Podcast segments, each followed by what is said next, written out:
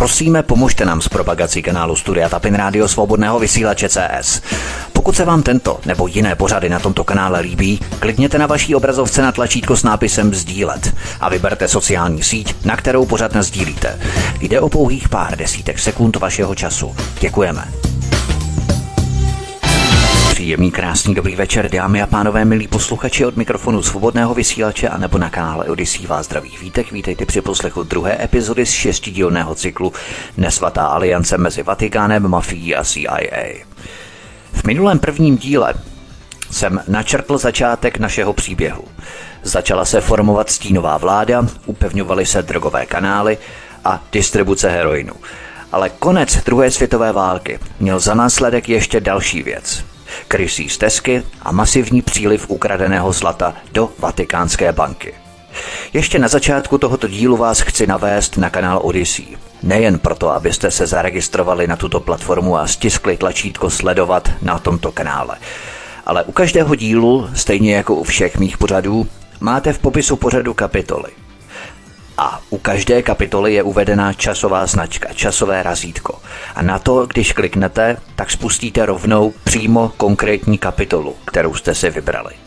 Můžete se tak lehce pohybovat po různých částech, které si chcete třeba zopakovat. A to jednak a jednak další věcí je, že jsem ke každému dílu umístil před samotné kapitoly v popise pořadu pár nejdůležitějších jmen a jejich funkcí. To výrazně usnadní orientaci, když je budete mít stále před očima. Pokaždé se můžete mrknout, kdo je kdo. Do každého dílu vkládám jenom ty osoby, ta jména, se kterými se setkáme pouze v konkrétním díle. Tento způsob jsem zvolil proto, aby těch jmen jednak nebylo příliš mnoho a jednak, aby byla snažší orientace. Když si nebudeme jistí o roli člověka, o kterém právě hovořím, podívejme se na seznam v popise pořadu na kanále Odyssey u každé epizody. Ale nebudeme se zdržovat, pojďme na první kapitolu CIA, drogy a černé peníze přes Vatikánskou banku. V měsících před celostátními volbami v roce 1948 v Itálii vrhla CIA do Vatikánské banky 65 milionů dolarů svých černých peněz.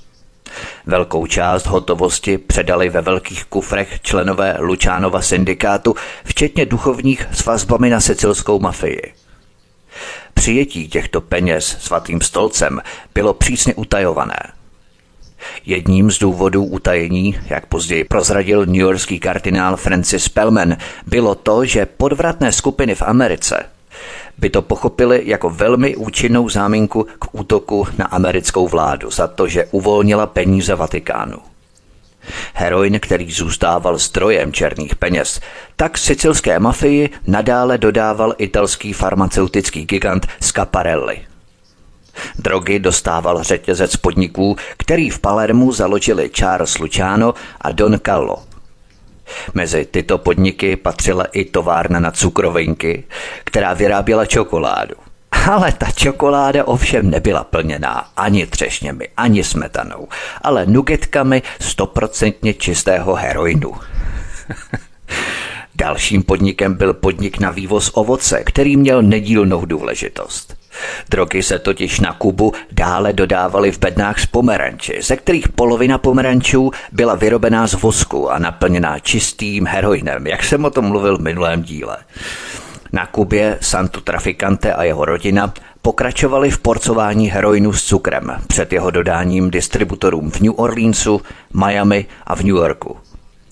CIA vytvořila chráněné drogové trasy do těchto přístavů tím, že navázala úzké vztahy s Mezinárodním združením tesařů prolezlých mafií, které měl nadále pod palcem Rosario Mogavero. Přepravu zboží po celé zemi, po celé Americe usnadňoval Jimmy Hofara a další vedoucí představitelé Mezinárodního bratrstva tzv. Teamstrů, kteří spolupracovali s kamionovými společnostmi vlastněnými mafií. K těmto kamionovým společnostem patřila například Long Island Garment Trucking Company, kterou řídil John Ormento. Tato činnost přirozeně neunikla Harrymu Enslingerovi, šéfovi úřadu pro narkotika a nebezpečné drogy, který zaznamenal prudký nárůst nabídky heroinu v afroamerických čtvrtích a následný růst závislosti. Když se od informátorů dozvěděl, že drogy pocházejí od Charlesa Luciana, vyslal Charlesa Sajergase a další své agenty na Sicílii, kde dostali příkaz sledovat každý krok deportovaného gangstra. Netrvalo dlouho a agenti přestihli Lučána s půl tunou heroinu připraveného k odeslání do Havany. Charles Sajergas naléhal na jeho zatčení. Italská vláda ani americké ministerstvo zahraničí však nepodnikly žádné kroky. Pojďme na další kapitolu. Masakry CIA před italskými volbami. V závěrečných měsících roku 1947 začaly do Itálie přijíždět z New Yorku, Chicaga a Miami stovky mafiánských špiček, aby Lučánovi a Donu Kalovi pomohli řešit problém s komunisty. Černé peníze CIA vyplácela Vatikánská banka z církevních organizací, včetně katolické akce. Svatý stolec tak uzavřel spojenectví se sicilskou mafií, spojenectví, které se v následujících třech desetiletích upevňovalo. Síla mafie byla nyní spuštěná na italské voliče. Don Callo a armáda zločinců, mezi nimiž byl i bratranec Vito Genovézeho, Giovanni Genovéze, vypálili jedenáct poboček komunistů. Čtyřikrát se také pokusili o atentát na komunistického vůdce Girolama Likauziho. Gang pod vedením Franka Coppoli, kterého James Angleton přivezl z Detroitu, aby spolupracoval se sicilským banditou Salvatorem Julianem, také zahájil palbu na davdělníků slavících 1. máj v Portela della Ginestra. 11 lidí zabil a 57 zranil. Prostředky na masakr poskytl šéf OSS William Donovan prostřednictvím své společnosti World Commerce Corporation – Jeden z předních italských dělnických organizátorů, Placido Ricotto, byl nalezený mrtvý na úpatí útesu. Nohy a ruce měl spoutaný řetězy a prostřelený mozek. V průběhu roku 1948 bylo jen na Sicílii v důsledku teroristických útoků podporovaných CIA zabito v průměru pět lidí týdně. Pojďme na další kapitolu. Vatikánská eskadra smrti. Kromě těchto podniků se stavil monsignor Don Giuseppe Bicchierai z papežského pověření teroristickou bandu, která měla za úkol mlátit komunistické kandidáty, rozbíjet levicová politická schromáždění a zastrašovat voliče. Peníze, zbraně a džípy pro monsignorovi teroristické útoky poskytla CIA z přebytečných zásob z druhé světové války. V den voleb Don Kalo a jeho lidé plnili volební urny a upláceli voliče dary z čerstvě vypraných peněz z drog. Zatímco papež Pius XII. zůstával ve svých komnatách schrbený, téměř fyzicky přemožený tíhou svého současného břemene nadcházejících voleb. Taktika mafie zabrala. Křesťanští demokraté se triumfálně vrátili k moci. William Colby, Pozdější ředitel CIA ve svých pamětech napsal, že bez sabotáže CIA by komunisté získali 60% hlasů. Pojďme na další kapitolu. Další katolické banky. V minulém pořadu jsme skončili italskými volbami, které američané s jejich mafiánskými přáteli ovlivnili ve prospěch pravice penězi přes Vatikánskou banku. Vy, kteří jste poslouchali můj pořad Tajná síť Kladio, už víte, že CIA se rozhodla setrvat v Itálii další desetiletí. Finanční prostředky CIA ukládali členové zločinecké rodiny Dona Kala do katolických bank po celé Itálii, včetně Banco Ambrosiano. Tyto banky byly díky lateránské smlouvě zcela v bezpečí před kontrolou ze strany italské banky a italského ministerstva financí. Pobočník Giuseppeho Genkarusa, přímého nástupce Dona Kala ve funkci kápa, v této souvislosti poznamenal, cituji, Russo je neustále v kontaktu s kněžími. Kněží chodí k němu a on chodí do banky, kterou vždycky vedou kněží. Ředitel banky je kněz. Banka byla vždycky záležitostí kněžích. Konec citace. Křesťansko-demokratická strana nadále dostávala od CIA roční pomoc ve výši více než 20 milionů dolarů a CIA na oplátku zřídila pod Engletonovým vedením tzv. vatikánský referát. Vatikánská kancelář přeskoumávala všechny zpravodajské zprávy, které byly zasílané svatému stolci od papežských nunciů, tedy diplomatů, kteří byli umístěni za železnou oponou. Mezi CIA a církví byly vypracované strategie, jejíž cílem bylo podkopat levicová hnutí v celé Evropě a Jižní Americe. Pojďme na další kapitolu. Maltéští rytíři. Důstojník CIA, dříve OSS James Angleton, přísahal věrnost svaté matce církvy a stal se rytířem řádu maltéských rytířů. Maltéští rytíři jsou legendárním církevním spolkem, jehož počátky sahají až do dob křížových výprav. Do rytířského stavu byli pasovaní i další američtí špioni. Například pozdější ředitelé CIA William Casey, William Colby a John McConney – Pasovaný byl také generál Vernon Walters, který se stal zástupcem ředitele CIA za vlády George Bushe staršího, potom třeba zvláštní agent CIA William F. Buckley, který se stal majitelem a vydavatelem časopisu National Review. Potom třeba Frank Shakespeare, ředitel médií CIA Rádio Svobodná Evropa a Rádio Svoboda – Mezi maltéské rytíře byl pasovaný také generál NATO a budoucí ministr zahraničí Alexander Haig a ředitel OSS William Donovan. Zvláště zajímavým maltéským rytířem byl generál Reinhard Gehlen, který za druhé světové války působil jako šéf Hitlerovy rozvědky na východní frontě. Jen pro stručné zopakování, které nikdy neuškodí. V roce 1945 byl Reinhard Gehlen požádaný OSS předchůdkyní CIA, aby zřídil pobytové jednotky složené z kolegů nacistů, které špehovaly Sovětský svaz. Tyto jednotky, známé jako Gehlenova organizace ORG, se nakonec za kancléře Konráda Adenaura v roce 1956 přeměnily na německou spravodajskou službu Bundesnachrichtendienst neboli BND. Velká část obchodů mezi CIA a Vatikánem se začala odehrávat na každoročních setkáních maltéských rytířů v Římě a New Yorku. Jednání předsedal kardinál Francis Pellman, který jménem papeže schvaloval budoucí strategie v Evropě – Protože Vatikán hrál v Gladiu tak zásadní roli, nechal William Colby, tehdy šéf pobočky CIA v Římě, rozmístit po papežských apartmánech mikrofony, aby agentura mohla monitorovat rozhovory papeže a jeho zaměstnanců. Toto špehování trvalo až do roku 1984. Vatikán se od té doby stal hlavním úložištěm nejen černých fondů, ale také přísně tajných dokumentů, včetně spisů CIA týkajících se vývoje jaderných zbraní.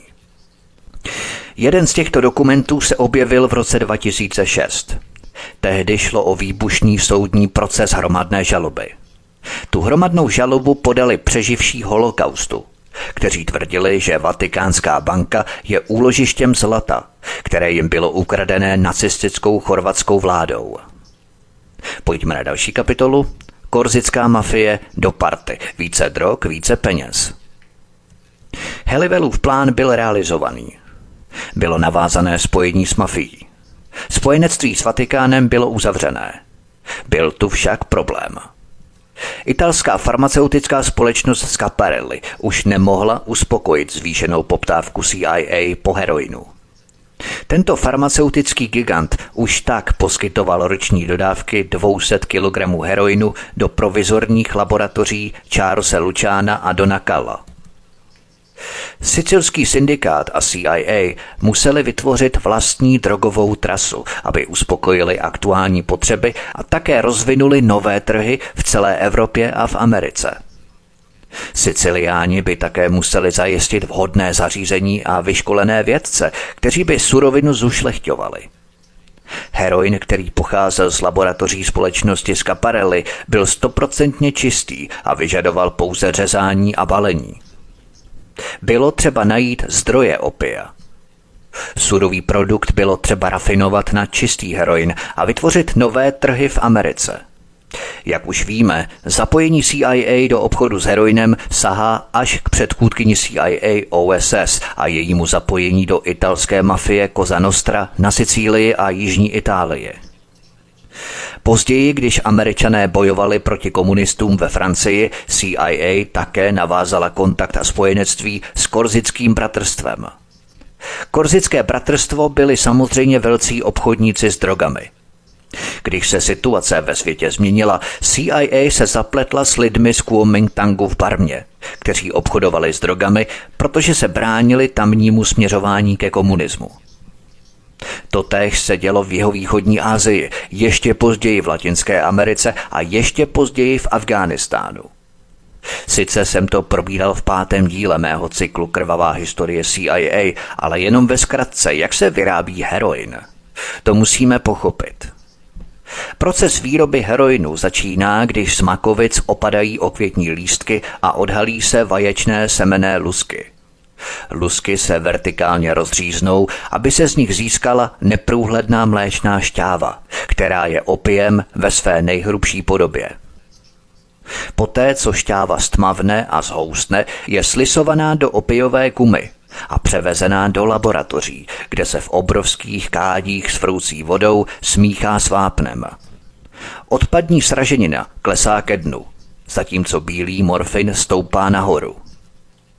Morfin se z vody odstraní, znovu se zahřeje čpavkem, přefiltruje a znovu se vaří, dokud se nezredukuje na hnědou pastu. Pasta se nalije do forem a suší se na slunci. Hotový produkt se znovu zahřeje v kádích a ve skleněných nádobách se 6 hodin zpracovává s acetanhydridem za vzniku diacetylmorfinu. Rostok se scedí a přidá se uhličitan sodný, aby heroin stuhl a klesl. Heroin se dále rafinuje filtrací z roztoku uhličitanu sodného přes aktivní uhlí a čištěním alkoholem – Produkt se poté znovu zahřeje, aby se odpařil alkohol. Proč o tom takto složitě hovořím? Pak totiž přichází na řadu složitá část, kterou si Cilané ve svých provizorních zařízeních nedokázali zvládnout. Heroin se smíchá s éterem nebo kyselinou chlorovodíkovou, což je proces, který může způsobit prudký výbuch, pokud není prováděný s vědeckou přesností. Konečným produktem je heroin. Namíchaný bílý prášek, který se obvykle dodává ve 100-kilových paleních. Sicilská větev tuto delikátní konečnou fázi neuměla. Kdo to ale uměl, byla korzická mafie. Korzická mafie totiž získala mistrovství v tomto procesu během let práce mezi kambočskými, laoskými a větnamskými technikami ve francouzské Indočíně – v roce 1949 CIA a Lučánův syndikát nutně potřebovali tyto korzické talenty pro vytvoření nové drogové sítě.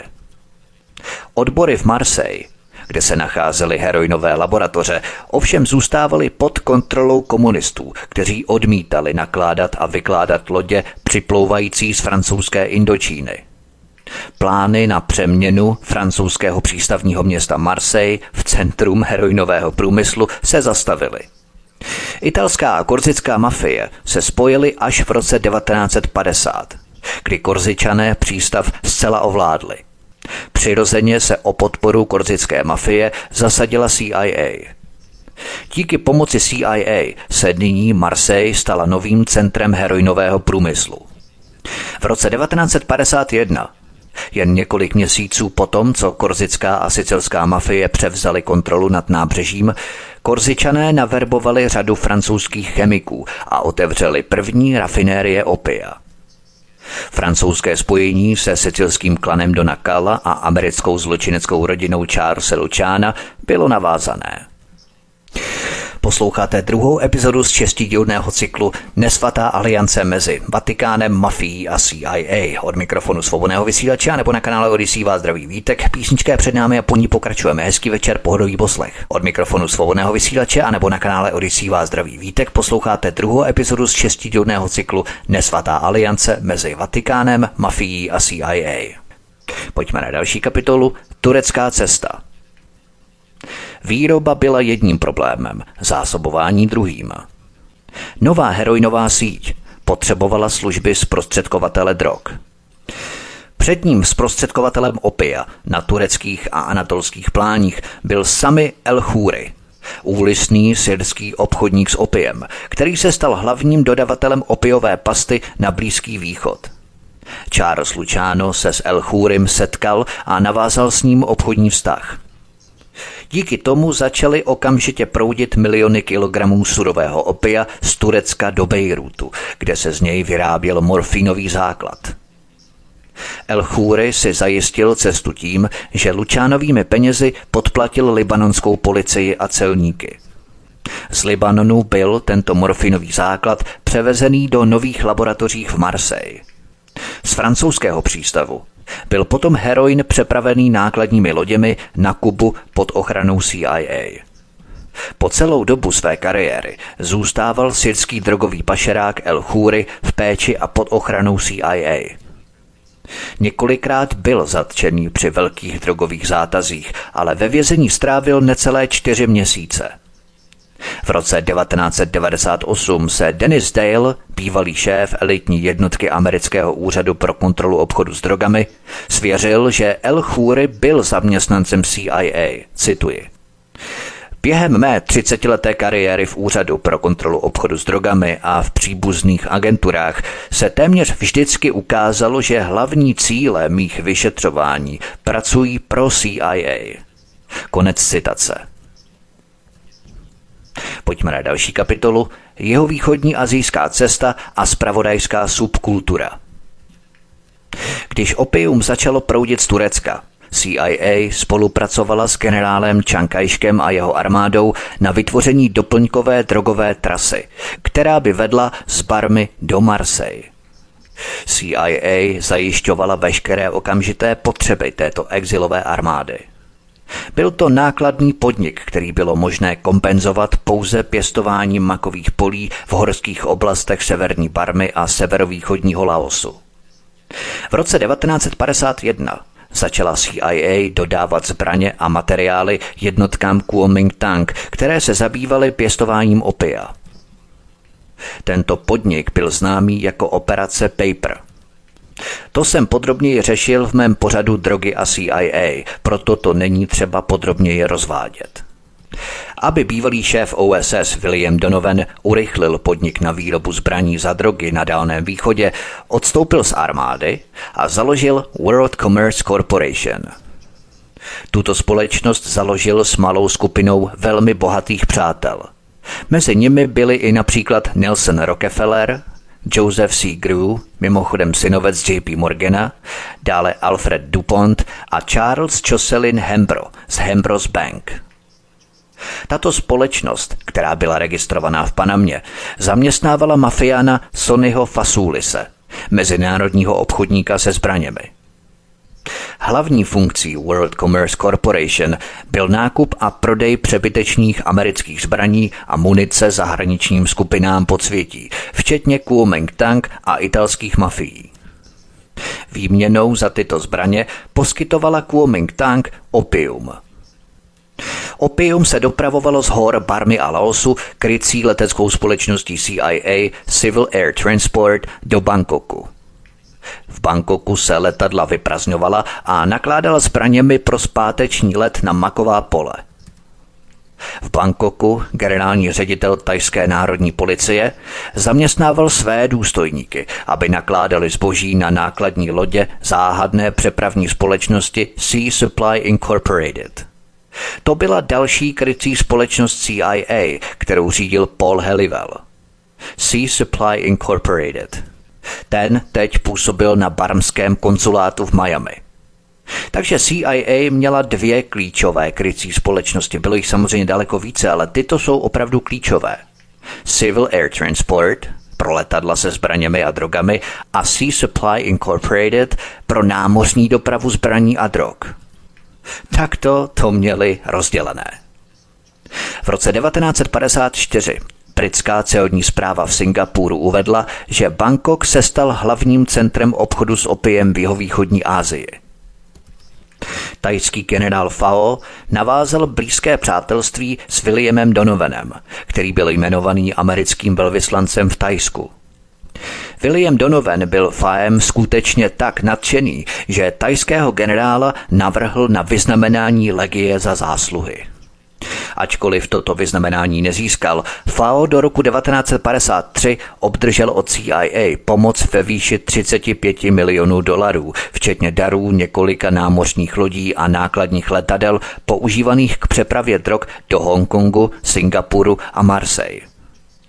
Společnosti World Commerce Corporation a Sea Supply, stejně jako Civil Air Transport, vznikly v rámci spravodajské komunity ze subkultury mimořádně bohatých a dobře propojených právníků a podnikatelů, kteří v té době nebyli součástí žádné oficiální vládní agentury. Tato spravodajská subkultura nakonec dala vzniknout síti bank, včetně naší známé banky zločinců Bank of Credit and Commerce International a vlastnických firm, včetně American International Group CF Stara, které byly vytvořené za účelem podpory a utajení toku peněz z obchodu s heroinem. Pojďme na další kapitolu Strategický Saigon. V roce 1958 se obchod s opiem v jeho východní Asii stal tak čilým, že CIA zřídila druhou zásobovací linku pro drogy – tato trasa vedla z prašných letištních ploch v Laoských horách na mezinárodní letiště v Saigonu, odkud se překládalo do Evropy a Ameriky. Kromě známé Civil Air Transport si CIA pro tuto přepravu objednala služby malých korzických letadel. Tento saigonský výsadek by nebyl možný bez spolupráce Ngonding Nhiena, prezidenta Jižního Větnamu a Diemova bratra Ngoding Nehu, který působil jako jeho hlavní poradce. CIA poskytovala Diemovi a jeho bratrovi miliony tajných finančních prostředků, aby mohli rozšířit rozsah své spravodajské činnosti a rozsah politických represí vůči větnamskému lidu. Podpora pokračovala i poté, co skorumpovaného Diema, jehož vláda upadla do chaosu v roce 1963, vyhnala z úřadu vojenská chunta také podporovaná CIA. Saigon byl nyní městem strategického významu. Pojďme na další kapitolu. Falešné zprávy a kontrola médií. Jak západní svět stále více zaplavoval heroin, CIA prostřednictvím mluvčích, jako byl George White z Federálního úřadu pro narkotika, svalovala vinu na předsedu Ma, a Čínskou lidovou republiku, kteří byli obvinovaní z organizování přesunu 200 až 400 tun opia ročně z Yunanu do Bangkoku. CIA také prezentovala generála Fa, spojku v azijském drogovém propojení, jako nejlepší americkou naději v boji proti této drogové hrozbě. Tyto zprávy představovaly první rozvinutí falešných zpráv CIA – Svědomím důležitosti vydávání takových falešných zpráv zahájila CIA pod vedením Elena Dallise v roce 1953 operaci Mockingbird. To jsem probídal v mém pořadu Média a propaganda, takže opět nebudu podrobně rozvádět. Tato operace jenom ve zkratce spočívala v náboru předních novinářů a redaktorů, aby vymýšleli příběhy a vytvářeli kouřové clony – s cílem vrhnout na CIA pozitivní světlo. Součástí operace Mockingbird se nakonec staly celé spravodajské organizace, včetně American Broadcasting Company, National Broadcasting Company, Associated Press, United Press International, Reuters, Newsweek, Mutual Broadcasting System, Miami Herald, Saturday Evening Post a New York Herald Tribune. Díky tomu, že se nyní do činnosti zapojilo více než 400 novinářů a hlavní zpravodajské kanály, mohla CIA pracovat bez obav z prozrazení. Opět tady vidíme v celé kráse, k čemu slouží mainstreamová korporátní média. Maskování a zakrývání tajných operací. Udržují kulisy architektoniky moci, vytvářejí kouřové clony, odvádějí naší pozornost, udržují skorumpovaný systém u moci za pár drobných. Vytvářejí psychologickou bariéru a ideologickou clonu. To je úkolem mainstreamových korporátních médií zahltit nás nesouvisejícími nepodstatnostmi, abychom se věci nespojovali a abychom nepřemýšleli o fungování globálního světa jako celku, jako obrovských nadnárodních zločineckých syndikátů. K tomu slouží mainstreamová korporátní média. Ostatní keci jsou jenom omáčkou. Pojďme na další kapitolu. Katolické spojení. Aby CIA napomohla procesu praní miliard z obchodu s heroinem, spolupracovala s Henrym Manfredem, který v roce 1951 založil první zahraniční operaci Federálního úřadu pro narkotika v Římě. Manfredy navázal úzké vztahy s monsignorem Giovannim Battistou Montínem, tehdejším vatikánským státním podsekretářem a pozdějším papežem Pavlem VI.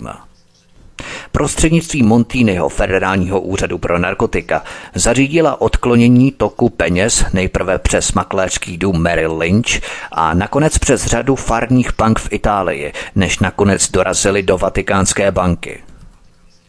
Na tyto transakce dohlížel Massimo Spada, vysoký úředník Vatikánské banky. Tento maltéský rytíř Spada předsedal nebo působil ve správních radách ohromujícího množství společností vlastněných svatým stolcem. Mám tu jejich výpis, ale tím se nebudeme zdržovat. Většině z nás to stejně nic neřekne. Mezi tyto společnosti patřil například jen ve zkratce také Finsider – to je totiž konglomerát, který vlastnil lodní společnost Italia, letecké společnosti Alitalia a Alfa Romeo a italský telefonní systém. Dále předsedal pojišťovnám, bankám, podnikům a továrnám na výrobu ocele a tak dále. S žádostí o pomoc při správě miliard se Spada obrátil na daňového právníka Michele Sidonu, předního představitele sicilské mafie – Pojďme na další kapitolu Michele Sidona, mafie a Vatikán. Michele Sidona, původem rolník ze Sicílie, získal v roce 1942 titul z daňového práva na univerzitě v Mesíně. Po invazi spojenců zanechal své praxe a stal se vůdčí osobností černého trhu. Dodával citrony do venkovských oblastí střední Sicílie a vyměňoval je za pšenici a další komodity, kterých byl v Palermu a Mesíně nedostatek. Tento podnik vyžadoval ochranu mafie, která kontrolovala výrobní průmysl a pohraniční stráž. Díky intervenci biskuta Spaty, který měl úzké vazby na pravou ruku Charlesa Luciana Vita Genovézeho, se Sindonovi podařilo tuto ochranu získat – Biskup využil svého vlivu u sicilských donů a amerických vojenských představitelů, aby Sindonovi zajistil čerstvé produkty, padělané doklady a bezpečný průjezd zemí. Sindona použil část svých zisků na nákup zbraní od spojenecké vojenské vlády, které pak poskytl Salvatore Giulianovi a dalším členům hnutí za nezávislost Sicílie. Do konce války se Sindona stal respektovaným členem zločinecké rodiny Luciano a Don Calo a jedním z předních finančních poradců sicilské mafie. V letech 1952 až 55 strávil nějaký čas v New Yorku, kde působil jako Lucianův emisar u Vita Genovézeho. V roce 1955 se Michele Sindona stal také agentem CIA a zajišťoval stálý přísun černých finančních prostředků předním katolickým hodnostářům, včetně Giovanniho Montiniho, který byl mezi tím jmenovaný milánským arcibiskupem. Giovanni Montini, zase ambiciozního mladého právníka, seznámil s Massimem Spadou – Michele Sindona nyní tvořil nedílnou součást propojení mezi CIA, mafií a Vatikánem. Sehrál také klíčovou roli v řetězci událostí, které vyústily ve svržení vlád, masové vraždění a rozsáhlou finanční devastaci. Pojďme na další kapitolu. Katolické gladio. V průběhu 50. let se stovky italských duchovních a příslušníků černé šlechty církve připojili k mafii v rámci podpory operace Gladio. Paolo Tadiani, jeden ze zakladatelů křesťansko-demokratické strany a nový ministr obrany Itálie, se stal jedním z velitelů 622 jednotek Stay Behind v Itálii. Každou jednotku tvořilo 12 až 15 vojáků, kteří byli vycvičení americkými a britskými silami na základně Capo Maraggio na severním cípu Sardinie. Tyto jednotky Gladio Stay Behind zřídili 139 úkrytů zbraní, většinou v severovýchodní Itálii, poblíž Korické prolákliny. Všechno jsem to podrobně probídal v mém pořadu Tajná síť Gladio, který tvoří jakési předmostí k tomuto cyklu. Do roku 1955 se objevily církevní jednotky operace Stay Behind, známé jako katolické Gladio. Na jejich zřízení dohlíželi kardinál Giuseppe Siri a italská biskupská konference. Tyto katolické jednotky vedli Augustín Bea, rektor Papežského biblického institutu a Agostino Casaroli, jeho tajní komoří a Fionzero Angelini, mistr papežských ceremonií. K těmto třem klerikům, vyslaným svatým otcem, se brzy připojil Michele Giordano, diecézní asistent katolické akce – Všichni čtyři preláti byli nakonec za svou práci v tajném podniku katolických Gladio povýšení do kardinálského kolegia. V katolickém Gladiu se prosadili i přední svědčtí představitelé katolické šlechty, včetně Giulia Andreottiho, spoluzakladatele křesťansko-demokratické strany a Umberta Ortolányho, tajného komořího papežské domácnosti a člena vnitřního kruhu maltéských rytířů. Tisíce kněží a biskupů byli nyní vycvičení nejen pro ideologickou válku, ale také pro skutečný boj. Po celá 50. léta poskytovala peníze na činnost katolického gladia CIA, která ročně vyčlenila na tajné operace v Itálii 30 až 50 milionů dolarů. Tyto prostředky nejen, že propídal Vatikán, ale papež je také přeposílal s přízněným skupinám a organizacím. Bývalý agent CIA Viktor Marchetti později vypověděl, cituji. V 50. a 60. letech CIA ekonomicky podporovala mnoho aktivit podporovaných katolickou církví od sirotčinců po misie. Miliony dolarů ročně dostávalo velké množství biskupů a monsignorů.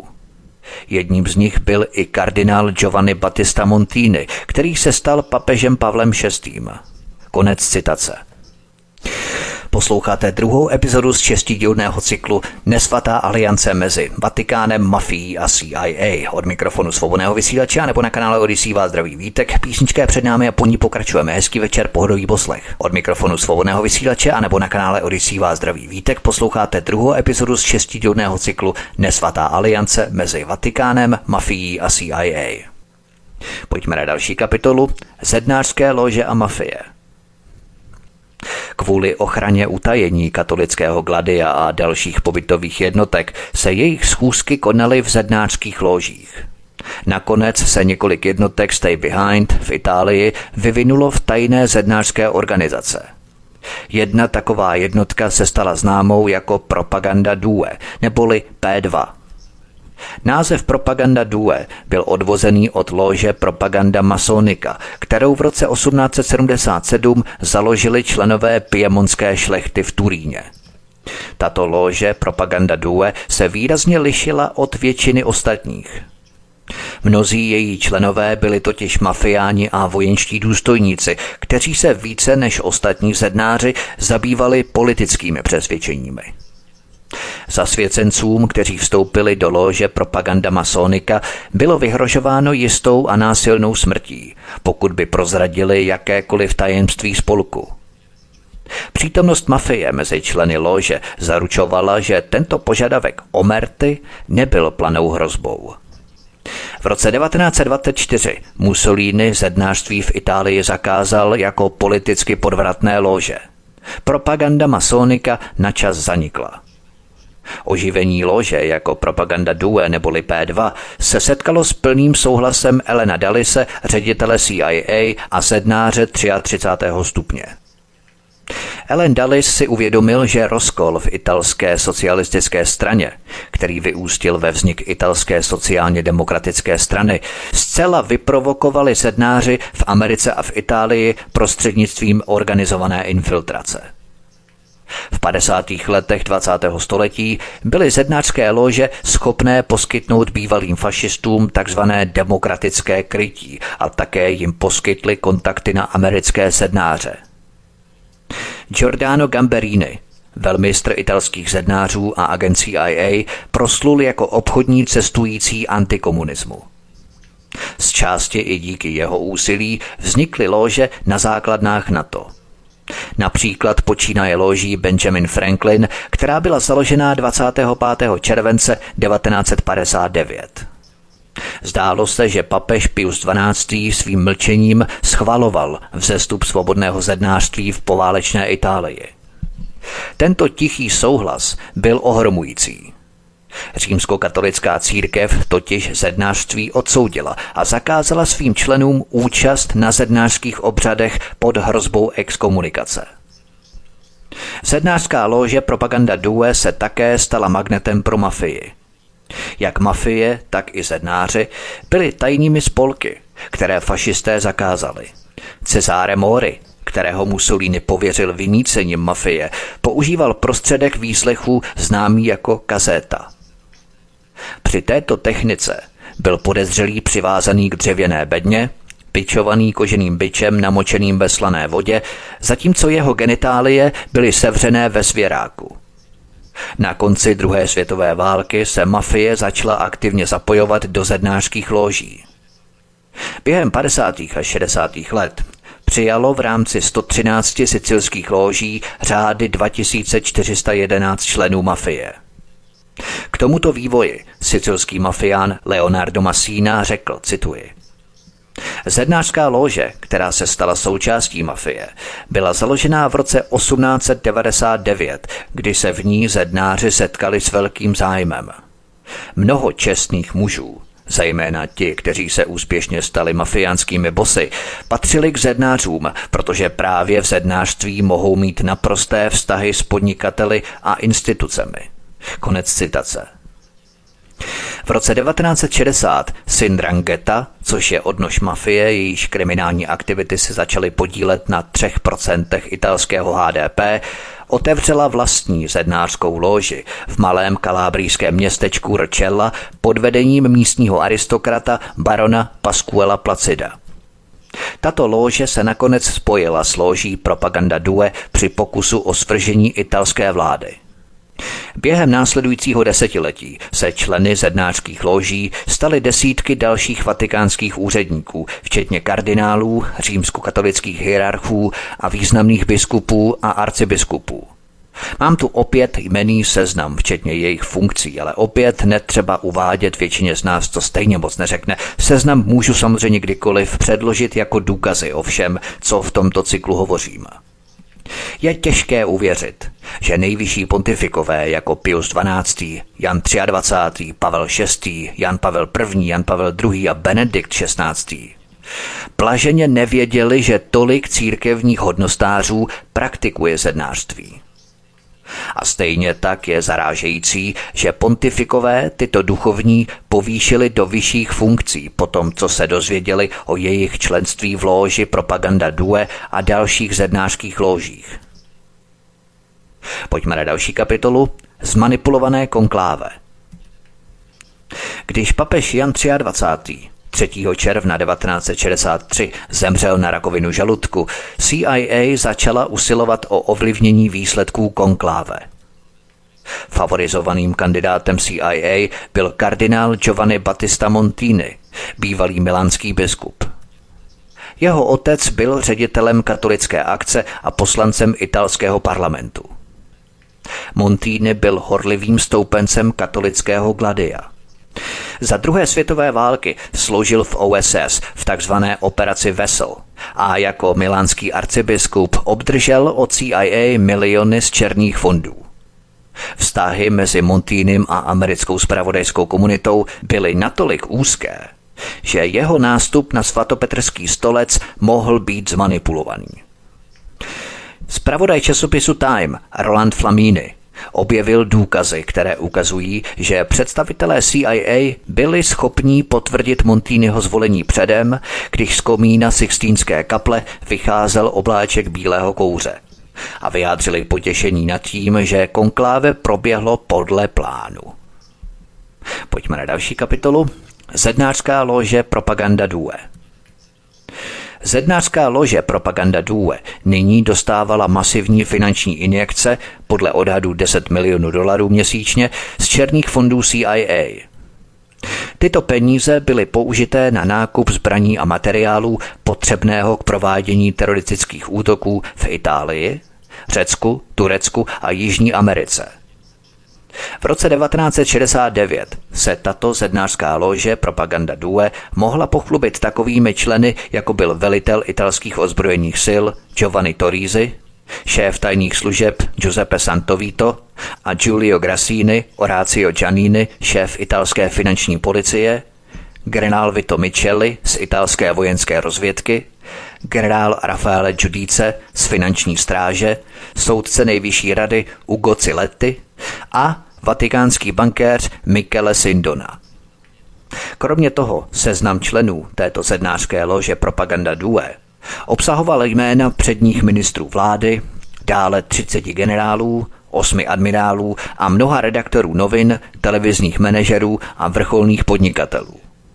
Do této zednářské lože byl také přijatý Carmelo Spagnuolo. To byla obzvláště cená trofej. Byl totiž hlavním veřejným obhájcem v Miláně a později předsedou italského nejvyššího soudu. Tím bylo zajištěno, že propaganda Due bude mít, navzdory svým teroristickým činům, spravedlnost na své straně.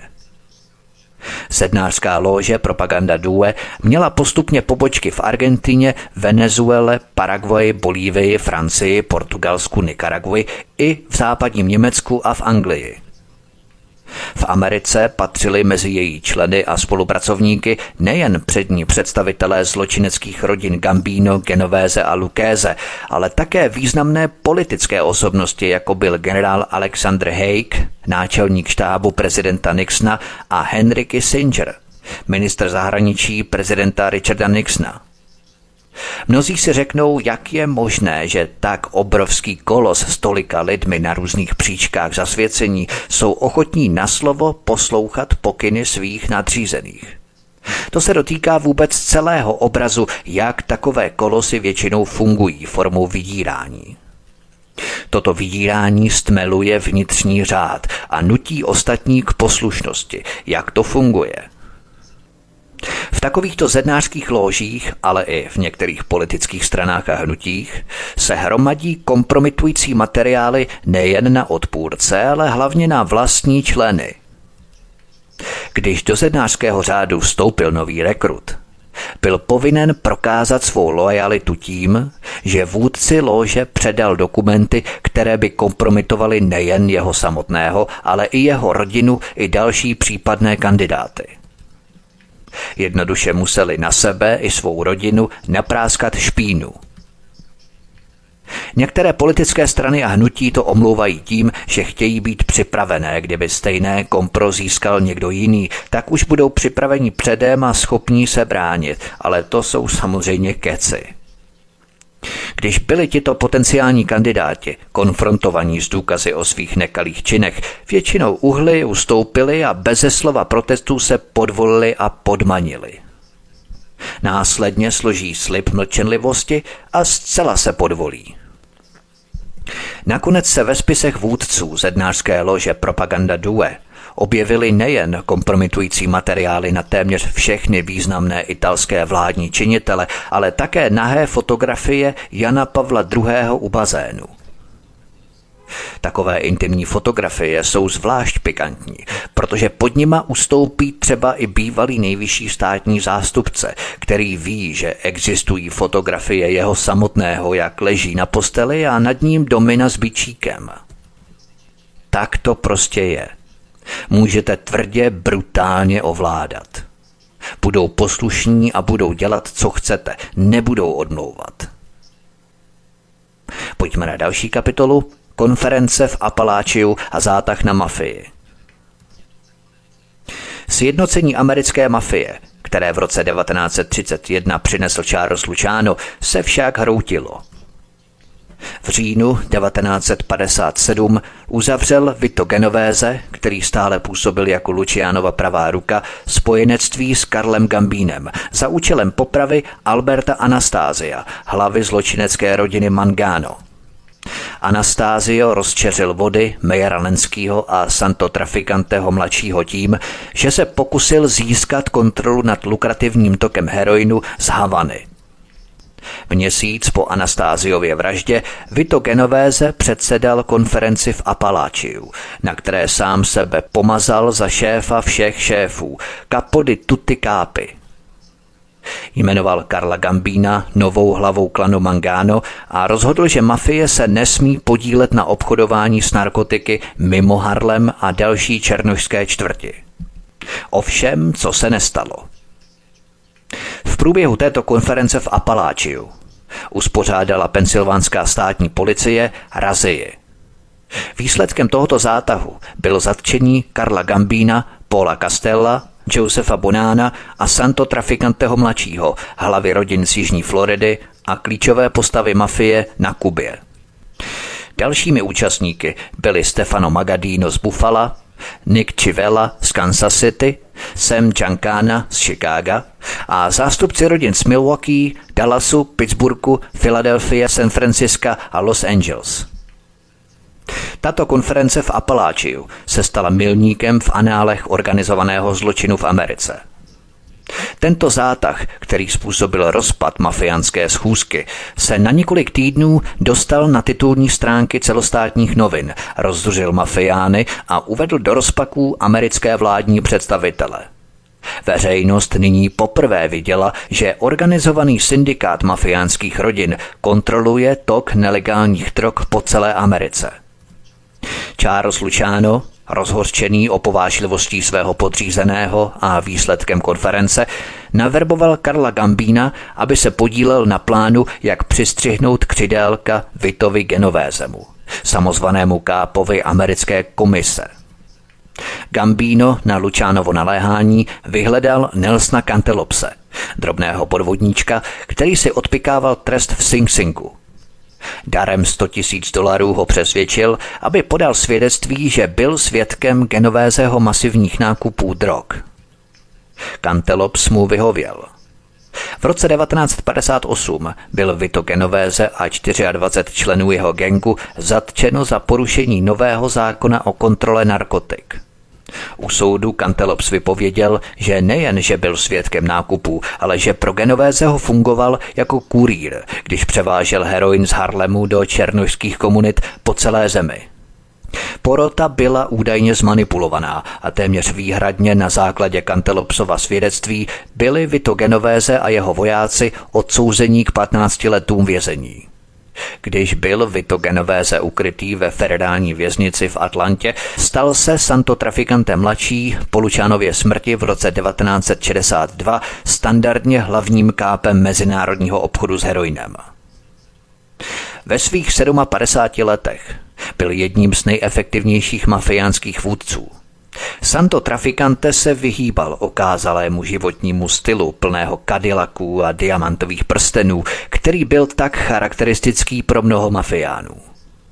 Místo toho pěstoval strohost starých sicilských donů a projevoval se sebevědomně, což přispělo k jeho značnému vlivu na sicilské a americké rodiny – Navzdory své prestiži mezi muži úcty, mu jeho zdravý rozum bránil v tom, aby se ucházel o vedoucí postavení v mafiánských národních a mezinárodních komisích. Většinou zůstával ve stínu, čímž se stal nejméně známým a nejvíce podceňovaným vůdcem organizovaného zločinu. Pojďme na další kapitolu Vzestup Michele Sindony – Pát Vita Genovézeho podnítil vzestup Michele Sindony.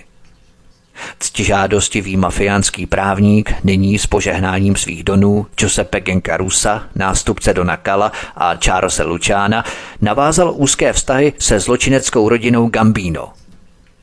Gambínové, vědomi si Sindonova klíčového postavení u CIA a Vatikánské banky, neváhali a vzali ho pod svá ochranná křídla. Říkávali – Done Michele, si největší ze všech Sicilanů, pomůžeme vám s vašimi problémy. Řekněte nám, koho chcete zabít, řekněte nám, kdo jsou ti bastardi. Michele Sindona použil peníze mafie a CIA k založení společnosti Fasco AG. Šlo o Lichtensteinskou holdingovou společnost, která se stala základním kamenem jeho finančního impéria.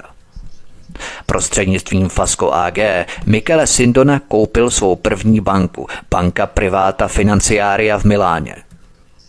Tato banka byla založena v roce 1930 fašistickým ideologem a sloužila jako kanál pro nelegální převody finančních prostředků z Itálie pro několik privilegovaných osob. Banka nyní sloužila jako hlavní prostředek převodu peněz na drogy z Vatikánské banky pro účely Gladia. William Harvey, nový šéf pobočky CIA v Římě, zařídil, aby se finanční společnosti Syra Jocelina Hambra, majitele Hambros Bank a Davida M. Kennedyho, předsedy Continental Illinois Bank v Chicagu, staly minoritními akcionáři. Přitom každá z firem koupila 22% akcí banky. Sir Jocelyn Hambro a Michele Sindona byli podle všeho podivní kamarádi. Hambro, syn a dědic jedné z nejprestižnějších anglických rodin obchodního bankovnictví, trávil dny v prostředí světové elity. Michael Sindona, původem sedlák ze Sicílie, byl jistě velmi nevítaným hostem na rodinném sídle Hambrových v Kidbrook Parku v Sussexu, natož v Jockey Clubu v Newmarketu, který patřil k oblíbeným místům Sira Jocelina Hambra. Záhadu tohoto vztahu ještě umocňovala skutečnost, že Michele Sindona nebyl ani uznávanou osobností, ani členem mezinárodní bankovní komunity. Jeho hlavním aktivem byla totiž v době jejich setkání nově vytvořená fiktivní společnost. Jediné vysvětlení tohoto podivného partnerství spočívá v dlouhodobých vazbách Jocelina Hambra na spravodajskou komunitu – byl totiž jedním ze zakladatelů OSS a jeho přítomnost ve správní radě World Commerce Corporation zavání spoluúčastí na obchodu s heroinem. Stejně záhadné se jeví partnerství Davida M. Kennedyho s Michelem Sindonou. Kennedy, vychovaný na ranči v Utahu, byl zbožný mormon. Jehož prarodiče John Kennedy a Peter Johnson založili Randolphskou banku – v roce 1951 se stal prezidentem banky Continental Illinois, potom co 16 let působil jako správce dluhu federálního rezervního systému. Continental Illinois se sídlem v Chicagu byla sedmou největší bankou v zemi s miliardovými aktivy, včetně akcí banky Opus Dei v Barceloně. V roce 1955 se David M. Kennedy stal nápadným přítelem konzervativního katolického náboženského řádu. Toto přátelství vedlo k tomu, že se Kennedyho banka stala hlavním kanálem pro investice Vatikánu do nemovitostí a podniků. Právě to ho přivedlo do úzkého kontaktu s princem Massimem Spadou, delegátem Vatikánské banky a Mikelem Sindonou, spadovým poslušným asistentem. Díky tomuto spojení se David M. Kennedy stal jedním z klíčových agentů Gladia – Banka Continental Illinois začala sloužit jako hlavní kanál pro tok tajných finančních prostředků CIA do nově vytvořené finanční banky Michele Sindony. Sindonova banka tak posloužila jako hlavní prostředek k zahájení státního převratu v Řecku v roce 1967 podniku Gladia, v jehož čele stála skupina pravicových armádních důstojníků. Prostřednictvím Davida M. Kennedyho navázal Michele Sindona blízké přátelství s monsignorem Paulem Marcinkusem, nadějným duchovním ve státě Illinois rodného města Al Caponeho. Marcinkus úzce spolupracoval s Davidem M. Kennedym při dohledu nad americkými investicemi Vatikánu prostřednictvím Continental Illinois a stal se ředitelem pobočky banky v Nassau. V honosném a vznešeném prostředí Vatikánu byl Marcinkus vybraný jako ochránce papeže Pavla VI. Michele Sindona se zasloužil o to, že Marcinkus získal místo šéfa Vatikánské banky. Díky této pozici se Marcinkus stal biskupem a byl přidělený jako zvláštní asistent kardinála Alberta Diorio. Tento klerik z Illinois byl najednou zodpovědným za více než 10 tisíc účtů patřících řeholním řádům a soukromým katolickým hodnostářům, včetně papeže. Posloucháte druhou epizodu z šestidílného cyklu Nesvatá aliance mezi Vatikánem, mafií a CIA. Od mikrofonu svobodného vysílače nebo na kanále Odisí vás zdraví vítek. Písnička je před námi a po ní pokračujeme. Hezký večer, pohodový poslech. Od mikrofonu svobodného vysílače nebo na kanále Odisí vás zdraví vítek. Posloucháte druhou epizodu z šestidílného cyklu Nesvatá aliance mezi Vatikánem, mafií a CIA. Pojďme na další kapitolu. Další nová banka. Michele Sindona dále získal Banka di Messina. To zločineckému kladu Gambino poskytlo neomezený přístup k finanční firmě na Sicílii. Tento sicilský finančník Michele Sindona dále koupil třetí banku Finabank v Ženevě, která byla z velké části vlastněná Vatikánskou bankou. Sloužila také jako kanál k vyvádění peněz z Itálie – po Sindonově koupi většinového podílu si Vatikán ponechal 29% podíl. Jocelyn Hambro a David Kennedy jménem svých finančních firm pohltili zbývající akcie. Sedlák ze Sicílie Michele Sindona se nyní stal jednou z nejvlivnějších postav v mezinárodních finančních kruzích. Ve spolupráci s významnou pařížskou bankou koupil Sindona kontrolní balík akcí společnosti McNeil and Libby Incorporated, obrovského amerického potravinářského řetězce s více než 13 sty zaměstnanci v oblasti Chicaga. Pojďme na další kapitolu Spojení do Chicaga. Soubor zpráv CIA které byly zveřejněné na základě zákona o svobodném přístupu k informacím, ukazují, že Sam Giancana, mafiánský kápo z Chicaga, se v 60. letech stal jedním z agentů CIA v podsvětí a jednou z klíčových postav v procesu praní špinavých peněz. Členové Giancanovy rodiny ukládali vklady v bance Continental Illinois, které byly převáděné do Sindonových bank a podniků v Lichtensteinsku a Miláně – Další peníze převezli Giancanovi lidé do Washingtonu, kde byly převedené na dluhopisy a přeposlané do Finabank v Ženevě. Ještě více peněz bylo převezené z Chicaga do Mexika v kufrech, které nesli zločinci převlečení za katolické kněze. Peníze pak byly poslané do řady fiktivních společností v Panamě, než dorazily do Vatikánské banky.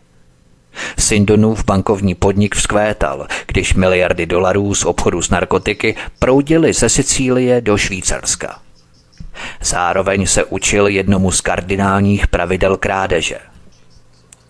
Nejlepší způsob, jak vyloupit banku, je koupit ji. Velká část ukradených peněz ale neskončila v Sindonově peněžence nebo v trezoru italsko-amerického klubu v Brooklynu sloužily k vytvoření strategie napětí Gladio a dalších tajných podniků, které měly vypuknout v nadcházejících desetiletích. 22 miliard dolarů, o které Michele Sindona a jeho krajané nakonec přišli při svých bankovních podnicích, jako by se rozplynulo ve vzduchu. Finanční analytici dodnes zůstávají zmizelými penězi zaskočení. Jen málo kdo si uvědomil, že účelem těchto akvizic, těchto bank agenty CIA, mezi které patřili Paul Helivel, William Colby, Donald Beasley, David Kennedy a Michele Sindona, nebylo přinášet akcionářům dividendy, ale spíše nahromadit ztráty v nepřehledné řadě falešných podniků. Další bankéři, kteří sdíleli vizi Gladio, nového světového řádu vytvořeného prostřednictvím rozkladu politických ideologií nepřátelských americkému kapitalismu, byli ochotní nechat své instituce pro tuto věc finančně krvácet. Zdá se, že David Rockefeller, Předseda Rady pro zahraniční vztahy spadá do této kategorie, jak naznačují stovky milionů dolarů ztrát, které vznikly z investic Chase Manhattan v Jižní Americe na příkaz CIA. Jakmile se Gladio proměnilo v mezinárodní operaci, Ukázalo se, že miliardy z obchodu s drogami nestačí na pokrytí rostoucích výdajů. Zatímco Michele Sindona nakupoval banky za finanční prostředky mafie, Vatikánu a CIA, Paul Helivel a mafián Meyer Lenský zakládali v Miami a na Bahamách banku Castle Bank and Trust.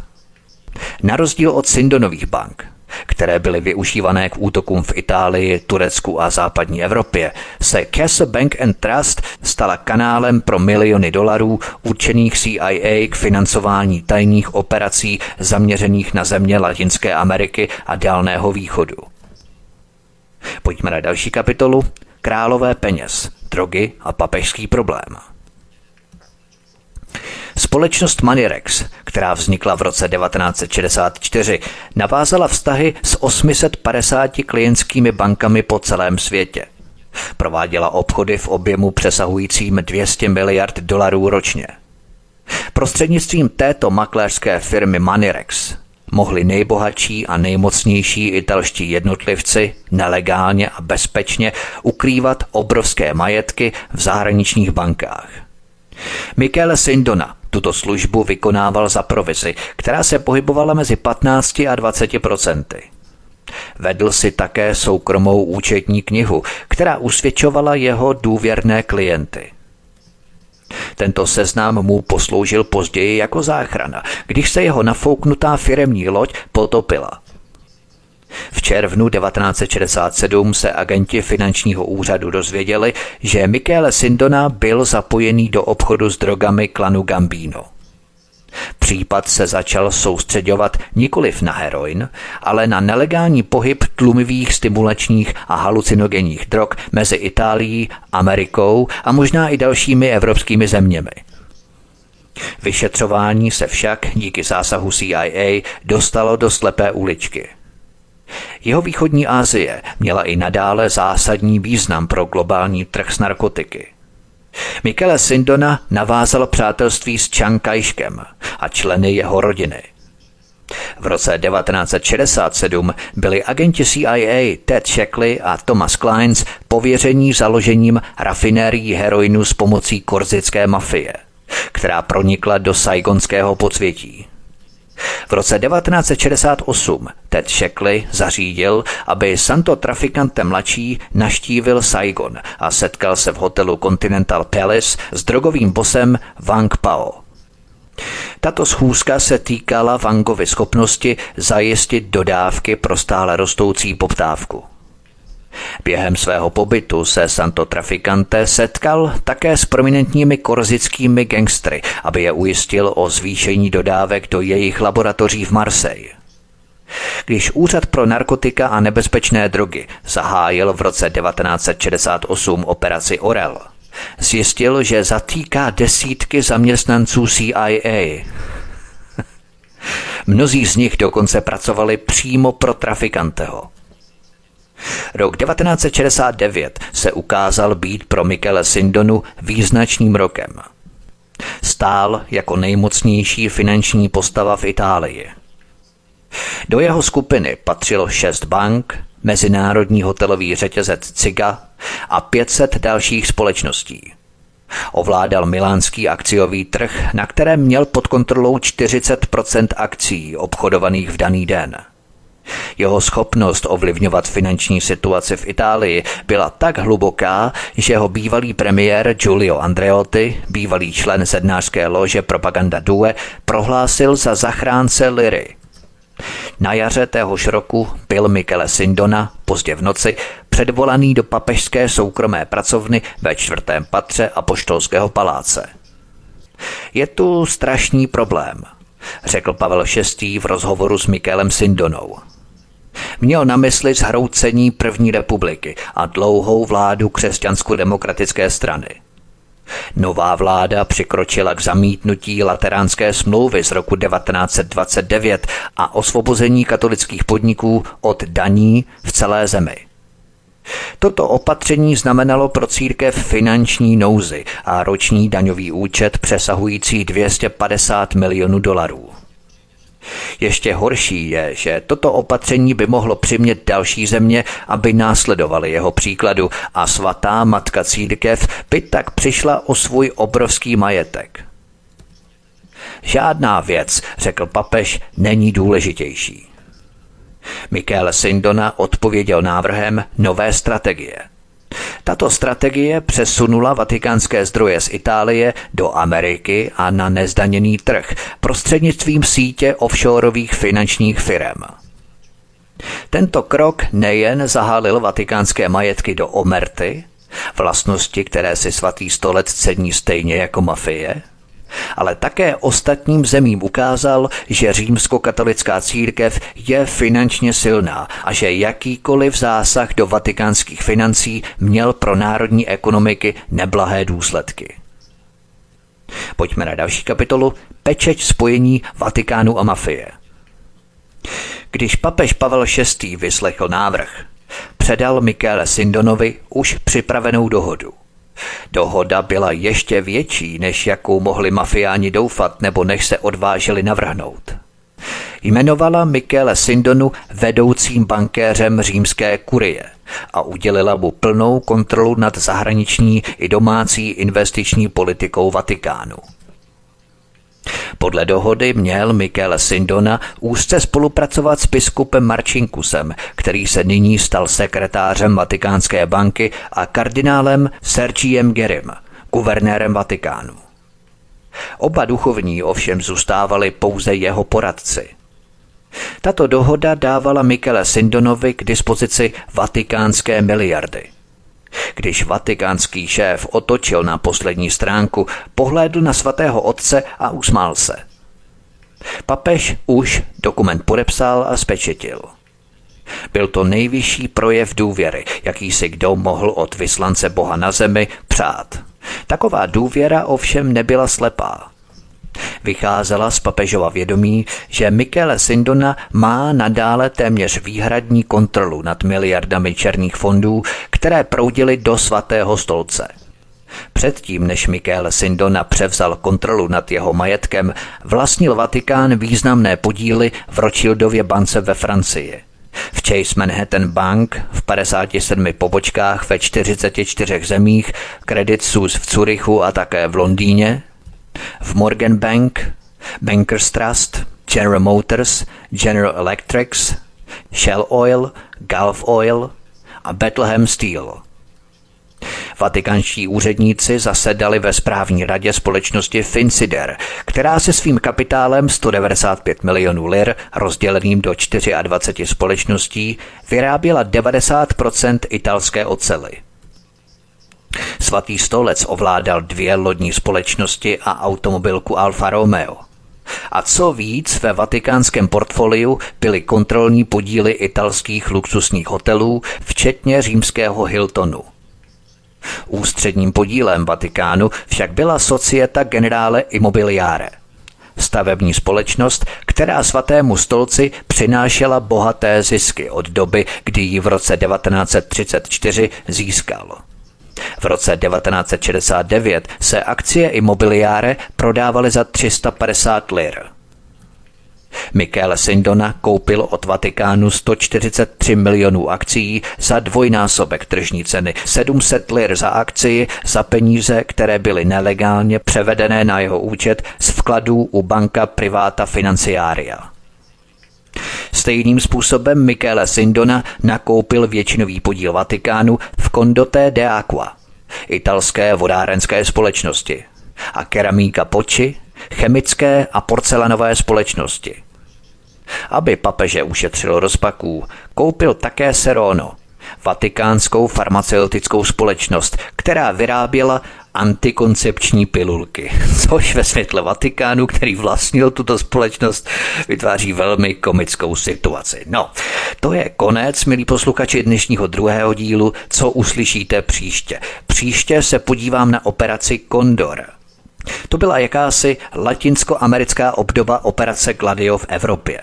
Na Jižní Americe byl Condor, v Evropě bylo Gladio.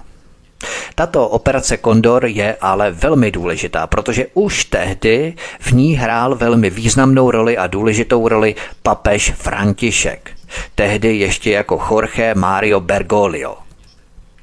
Proto je mu také přezdíváno jako papež Washingtonu. Jakou roli hrál papež František v této operaci Kondor. To byla role velmi zásadní a docela brutální. Tak to se dozvíte příště ve třetím dílu mého pořadu, mého šestidílného cyklu Nesvatá aliance mezi Vatikánem, mafií a CIA. Já doufám, milí posluchači, že se vám tento pořad líbil. Myslím, co do obsahové a faktické stránky, ne v rámci těch faktů, protože ta fakta jsou příšerná, neskutečná, hrozná. Nicméně, pokud eh, chcete ocenit, a já vás o to velmi prosím, mojí práci, budu rád, když tento pořad budete sdílet na kanále Odyssey, respektive na sociálních médiích z kanálu Odyssey, takto kliknete na tlačítko sdílet a tam vyberete sociální síť, na které tento pořad nazdílíte a můžete samozřejmě komentovat i, budu velmi rád, pokud třeba máte i další informace, zásadní fakta, budu velmi rád, protože informací není nikdy dost a budu také rád, když se přihlásíte na tento kanál, když stisknete tlačítko odebírat na tomto kanále Odyssey, čímž se stanete členy, budete odebírat a vždycky vám vyskočí upozornění ve vašem prohlížeči. To je taky důležité kliknout na zvoneček, respektive nejenom odebírat, ale i zvoneček, zapnout upozornění, je tam napsáno, nebo notifikace, teď nevím přesně, a to vám zajistí, že se objeví po každé upozornění když eh, bude vycházet nový pořad, když budu vysílat něco nového. Takže na to nezapomeňte, ale samozřejmě zabrouzdejte na tento kanál, když náhodou třeba zvoneček nemusí fungovat, já nevím, do jaké míry to funguje úplně přesně, protože jsem dostal informace od několika lidí, že to úplně přesně nefunguje, tak eh, pokud vám to nefunguje, to nevím, ale mělo by to fungovat 100%. Ale pokud vám to nefunguje, tak zabrouzdejte občas na tento kanál, pakliže třeba uvidíte, že je něco nového. Každopádně vysílám v pondělí a ve středu od 7 večer a potom v pátek zhruba od 22.30 od půl jedenácté večer je tu pořad. Takže to by bylo všechno od mikrofonu svobodného vysílače nebo na kanále Odisí vás zdraví vítek, mějte se moc krásně a příště u třetího dílu Nesvaté aliance mezi Vatikánem, mafií a CIA se s vámi opět těším na slyšenou. Prosíme, pomožte nám s propagací kanálu Studia Tapin Rádio Svobodného vysílače CS. Pokud se vám tento nebo jiné pořady na tomto kanále líbí, klikněte na vaší obrazovce na tlačítko s nápisem Sdílet a vyberte sociální síť, na kterou pořad sdílíte. Jde o pouhých pár desítek sekund vašeho času. Děkujeme.